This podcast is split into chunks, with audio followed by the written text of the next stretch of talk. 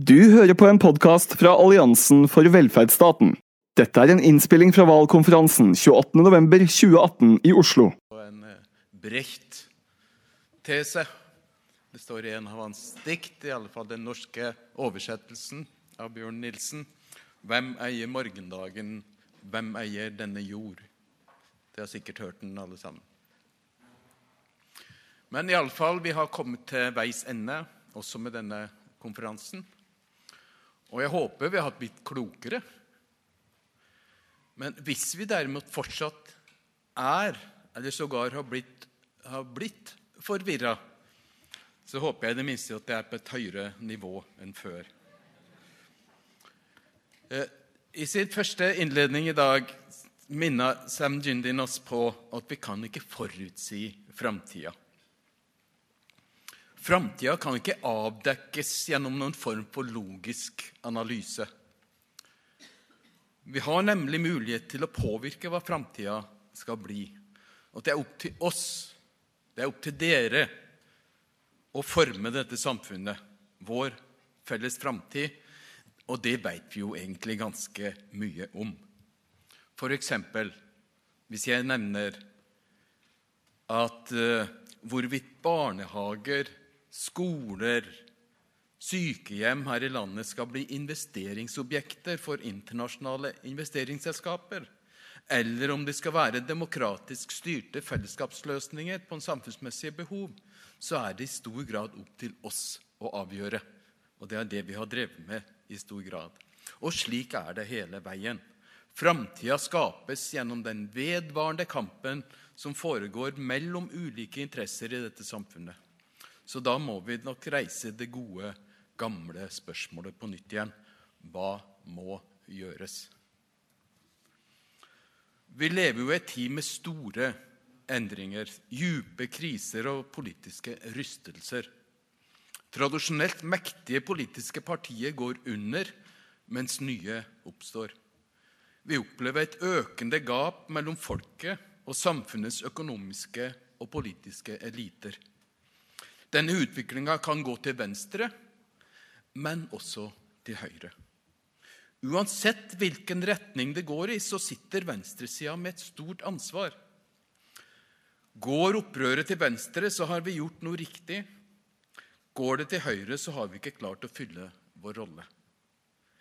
Skal vi bekjempe ytre høyre, så skjer det imidlertid ikke ved å skjelle dem ut eller moralisere over deres politikk.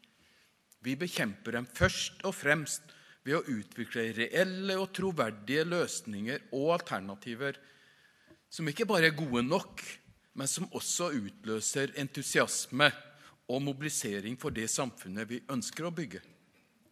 Klarer vi ikke det, så er det fare for at høyrepopulismen og enda mer ytterliggående høyrekrefter fanger opp den misnøyen som med god grunn brer seg i et samfunn med omfattende kriser, stadig større ulikhet, avdemokratisering og maktesløshet. Vi må ta folks misnøye og uro på alvor, politisere den og kanalisere den inn i en kamp for fellesskapsløsninger og folkemakt nedenfra. Samfunnsproblemer oppstår ikke av ingenting. Det er samfunnsmessige drivkrefter som skaper fattigdom, avmakt og økende ulikhet. Og skal vi endre disse forholdene, så må vi angripe årsakene. Det hjelper ikke at politikere sprer løfter om å løse både det ene og det andre samfunnsproblemet dersom de ikke samtidig forholder seg til årsakene og drivkreftene til den politikken. Det finnes knapt et politisk parti her i landet som ikke har, eller har, eller, som ikke har et annet løfte om å bekjempe fattigdom og redusere ulikhet. Det er stor konkurranse på det markedet. Resultatet er imidlertid det motsatte. Uansett regjeringsalternativ de siste par tiårene så har fattigdom og økonomiske forskjeller økt i vårt samfunn. Det er nemlig ikke mulig å bekjempe fattigdom og redusere ulikhet uten å gripe inn med politiske inngrep i markedet. Markedskreftene har alltid og vil alltid sentralisere og konsentrere makt og velstand. Å proklamere at man vil bekjempe fattigdom samtidig som man går inn for ytterligere avregulering og liberalisering av markedene, det henger ganske enkelt ikke på greip. Resultatet blir nødvendigvis tomme løfter og en tilsløring av virkeligheten. Og så må vi heller ikke glemme at oppbyggingen av velferdsstaten og et omfordelende, progressivt skattesystem i tiåra etter andre verdenskrig ble muliggjort gjennom at man samtidig hadde kapitalkontroll. Å love omfattende nasjonal økonomisk styring uten kapitalkontroll blir meningsløst, og det må venstresida ta konsekvensen av. Kapitalkontroll må på dagsordenen igjen dersom vi skal oppnå demokratisk kontroll av økonomien. Og det må til og med skje gjennom å bryte med internasjonale avtaler, slike som EU, EØS og diverse investeringsavtaler som vi har skrevet under på, ettersom disse i markedsliberalismens tidsalder i stor grad er blitt brukt til å sikre kapitalinteressene uinnskrenka makt. Som vår siste store paneldebatt nettopp understrekte, så må vi forstå samfunnet for å kunne endre det. Vi må forstå samfunnsproblemene for å kunne løse dem. Og Vi ser det igjen og igjen over forhold til velferdsstaten, til den nordiske modellen. Denne framstilles av mange av arbeiderbevegelsens ledere som noe som består uberørt av de omfattende maktforskyvningene som skjer i samfunnet omkring oss. Det er som om det er glemt at velferdsstaten var resultat av en helt spesiell historisk utvikling, der styrkeforholdet mellom arbeid og kapital ble forskjøvet til fordel for arbeidsfolk, og at denne maktforskyvninga gjorde det mulig å utvikle breie, universelle, offentlige velferdsordninger. De siste par tiårene i den markedsliberale æra så er maktforholdene blitt forskjøvet igjen men denne gangen til arbeidsgivernes og kapitalens fordel. Dermed opplever vi at mens den nordiske modellen fortsatt er gjenstand for blind hyllest blant mange av arbeiderbevegelsens ledere, så angripes den i praksis på område etter område. Det skjer gjennom avregulering, gjennom privatisering, gjennom markedsorientering, innføring av, gjennom innføring av New Public Management, målstyring og stadig mer autoritære organisasjons- og ledelsesformer. Og med økende krav til de ansatte om innsats og lojalitet, mens medvirkning og medbestemmelse svekkes. Den disiplinering av arbeidsfolk og individualisering av samfunnsmessige problemer som velferdsstaten skulle motvirke, gjeninnføres nå gjennom den såkalte arbeidslinja. Klimakampen er den nyeste dramatiske trusselen vi står overfor. Og som den ble sagt og står i programmet, den skiller seg fra de andre kamparenaene vi er vant til å forholde oss til, nettopp for, fordi vi ikke kan forhandle enn kompromisse med naturlovene. Enten gjør vi det som er nødvendig for å holde den globale temperaturøkningen nede, eller så må vi ta de dramatiske konsekvensene med klimakatastrofer. Vi trenger kunnskap som Shaun understrekte. Vi trenger vitenskapen, men vitenskapen løser ikke problemene. Vi må gå gjennom samfunnskampen og maktfordelinga i samfunnet også for å redde oss ut av klimakrisa. Derfor er det vi bygger et narrativ som det nå heter, omkring klimakampen, som ikke består i hva vi skal gi fra oss av velstand og tidligere oppnådde mål i samfunnsutviklinga. Nei, vi skal ikke gi fra oss noe som helst. Vi skal skape et bedre samfunn for alle gjennom å løse klimakrisa. Det er narrativet som må til for å vinne den kampen. Vi skal ikke tilbake. Vi skal ikke reversere.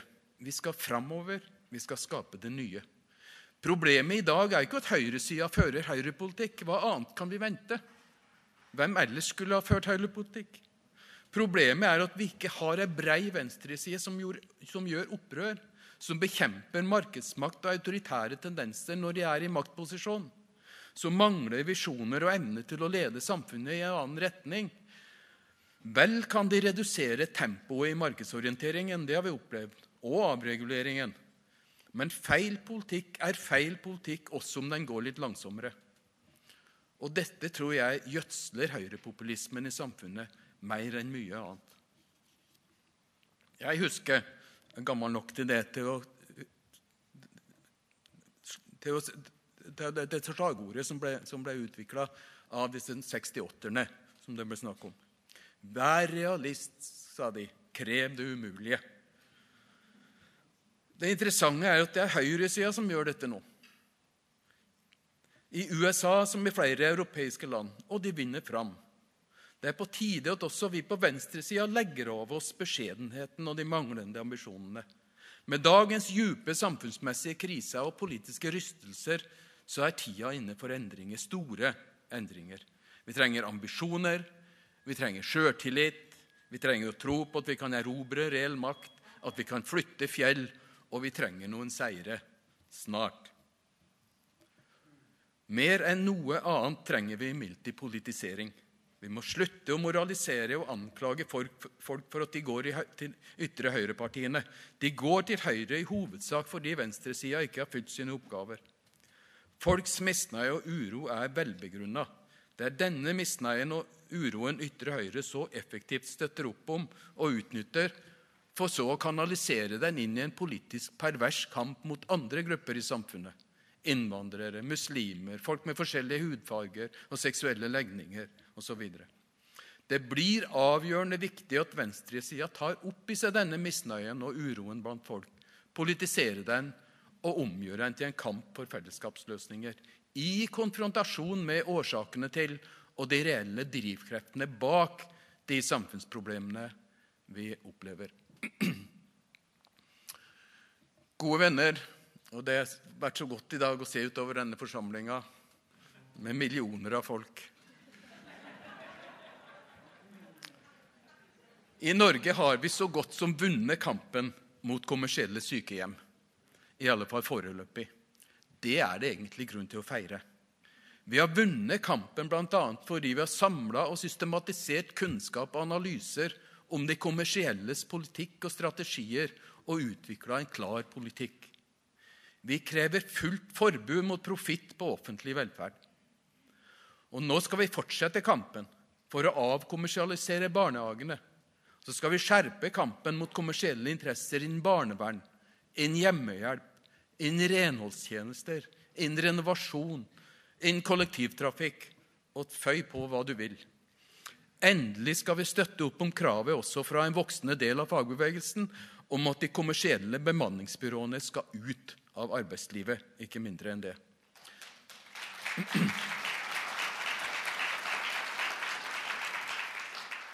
Det er tid for å gå på offensiven, for å konfrontere de maktstrukturene som skaper problemene. Derfor sier jeg med Kjersti Eriksson by oss ikke noe smått, noe halvt. Be oss ikke ta til takke. Vi kommer her med gløden fra alle bårene i oss svien fra alle slagene og støvletrampene mot hjertet, med sulten i de ulevde livene og den forferdelige heten i vår aldri gjengjeldte kjærlighet. Stå ikke i veien for oss når vi kommer til å vende jorda med voldsomme spadtak, når vi kommer til å dyrke den på vårt vis. Stå ikke i veien for oss, for vi eier morgendagen. Takk skal du ha.